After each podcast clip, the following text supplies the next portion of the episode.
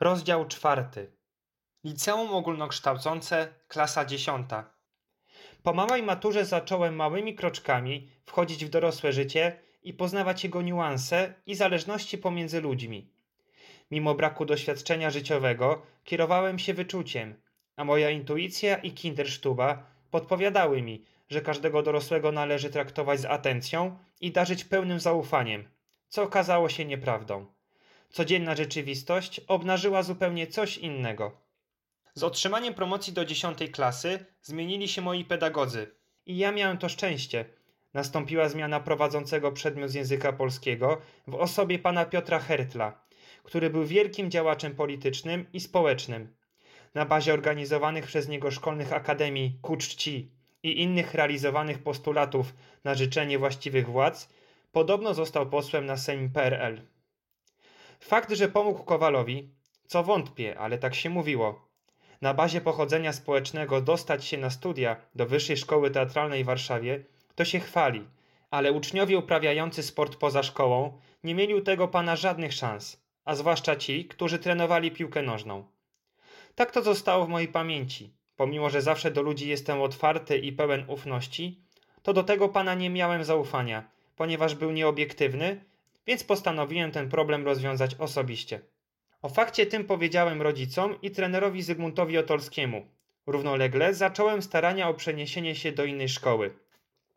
Z początku mi odradzano podjęcia takiego kroku, ale na moje szczęście postanowienie to poparł Kazek Przybyłowicz, starszy kolega klubowy, któremu powierzyłem moją tajemnicę. Kazek zawodu był teletechnikiem po krakowskim technikum. To on mnie ukierunkował i przygotował na przejście do Gdańskiego Technikum Łączności, w którym po zdaniu wstępnego egzaminu podjąłem naukę z nowym rokiem szkolnym 1954-55, za co mu jestem wdzięczny i bardzo dziękuję. Mimo podjętego postanowienia o zmianie szkoły, nikomu o tym nie powiedziałem. Do liceum chodziłem regularnie i starałem się swoim zwyczajem odrabiać prace domowe, aby nie zawieść wszystkich pedagogów, których zawsze ceniłem i szanowałem. Przygotowania do sezonu 54 i sprawy organizacyjne mistrzostw. Od środy 20 stycznia w hali Gwardii wznowiliśmy treningi sprawnościowe przed sezonem piłkarskim 54 ze szczególnym uwzględnieniem ćwiczeń wytrzymałościowych, technicznych oraz opanowania piłki i zagrań taktycznych. Dwa miesiące wcześniej zarząd klubu zgłosił do rozgrywek o Mistrzostwo Warmii i Mazur drużynę juniorów Iławskiej Orliki. Trener Zygmunt Otolski na specjalnej odprawie powołał 25-osobową grupę juniorów, z której miała być wyłoniona 16-osobowa kadra na mistrzostwa. Wyselekcjonowaną kadrę juniorów zarząd klubu oficjalnie zgłosił zgodnie z wymogami do Olsztyńskiego Związku Piłki Nożnej w Olsztynie, który objął patronat nad mistrzostwami. Do kadry zostali powołani Bogdan Biały-Białecki, Jerzy Blank, Kazimierz Cichecki, Bogusław Domagalski, Stanisław Drąg, Krzysztof Kamiński, Stanisław Kazulek, Jan Kowalski, Ryszard Macfałda, Edmund Maćkiewicz, Ryszard Mech, Jan Nichczyński, Aleksander Sowiński, Zbigniew Szraga, Lech Wiergowski i Ryszard Zieliński. Mistrzostwa zaplanowano na miesiąc maj i czerwiec. W maju mecze eliminacyjne w czterech grupach regionalnych A, B, C, D, bez meczów rewanżowych. Zwycięzcy grup wchodzą do grupy finałowej. Rozgrywki w grupie finałowej zaplanowano na miesiąc czerwiec w systemie każdy z każdym bez rewanżów. Zwycięzca grupy finałowej zdobywa tytuł Mistrza Warmii i Mazur roku 54. Inauguracja sezonu piłkarskiego 54. W niedzielę 21 marca w Ostrudzie rozegraliśmy towarzyski mecz z kolejarzem Ostruda, który zakończył się wynikiem remisowym 3 do 3. Na mecz trener Otolski powołał pięciu juniorów z kadry iławskich orlików, w tym trzech obrońców Kamińskiego, Drąga i Maćkiewicza oraz dwóch napastników Szragę i mnie. Pozostali wybrani to seniorzy z podstawowego składu oraz gościnnie wystąpił Zbigniew Czerwiński, zawodnik Pomorzani na Toruń, były zawodnik naszego klubu, który był na etapie przechodzenia do Zawiszy Bydgoszcz. Po dobrej grze z obu stron bramki dla kolejarza i ława zdobyli Czerwiński, Biały Białecki i Szraga. W następną niedzielę, 28 marca, Trener Zygmunt Otolski do drużyny rezerw kolejarza występujących w B-klasie desygnował całą kadrę juniorów przygotowujących się do mistrzostw juniorów. Wystąpiliśmy w następującym składzie: Wiergowski, Drąg Kamiński Maćkiewicz, Mech Nichczyński, Szraga, Cichecki, Biały Białecki, Macfałda Kazulek. Pozostałe orliki były w rezerwie. Mecz z LZS Rudzienice zakończył się naszą wiktorią.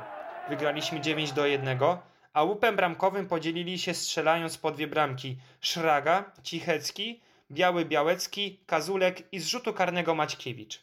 W celu szlifowania formy kadry juniorów trener Otolski zorganizował oficjalny mecz przed własną publicznością. Jak można było przeczytać na plakatach rozwieszonych w całym mieście. W niedzielę 4 kwietnia o godzinie 15 kadra A, seniorzy kolejarza i ława podejmować będą kadrę B, juniorzy kolejarza i ława i ławskiej orliki. Obie drużyny wystąpiły w najsilniejszych składach i bardzo nastawiły się na walkę na boisku, a publiczność domagała się co najmniej dwucyfrowego wyniku. Rzeczywistość okazała się inna. Po zaciętej i wyrównanej walce kadra A przegrała z kadrą B 1 do 2. Dla zwycięzców obydwie bramki zdobył Biały Białecki, dla kadry A Maksymilian Dymny. Mecz sędziował pan Drogowski. Iławskie Orliki po raz pierwszy wystąpiły w sezonie 54 przed własną publicznością. Wynik meczu wzbudził ogromne zdziwienie i zainteresowanie kibiców co do dalszych przygotowań kadry walca o mistrzostwo w Armii i Mazur roku 1954. Trener Otolski robił swoje.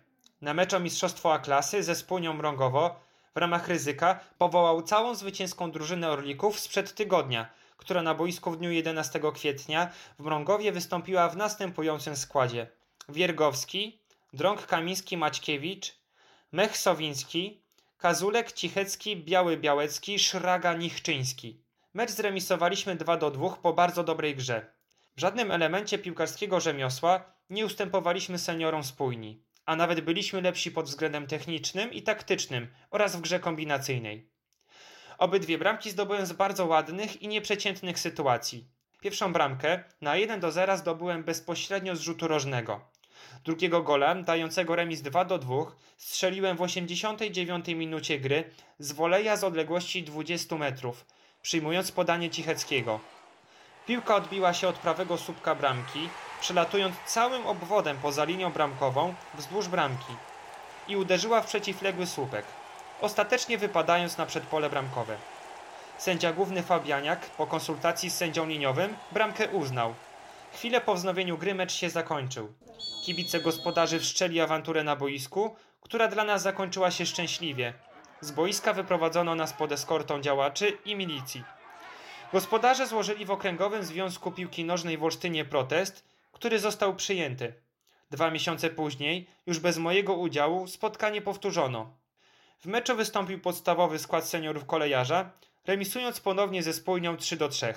Miałem w pewnym sensie satysfakcję z takiego obrotu sprawy.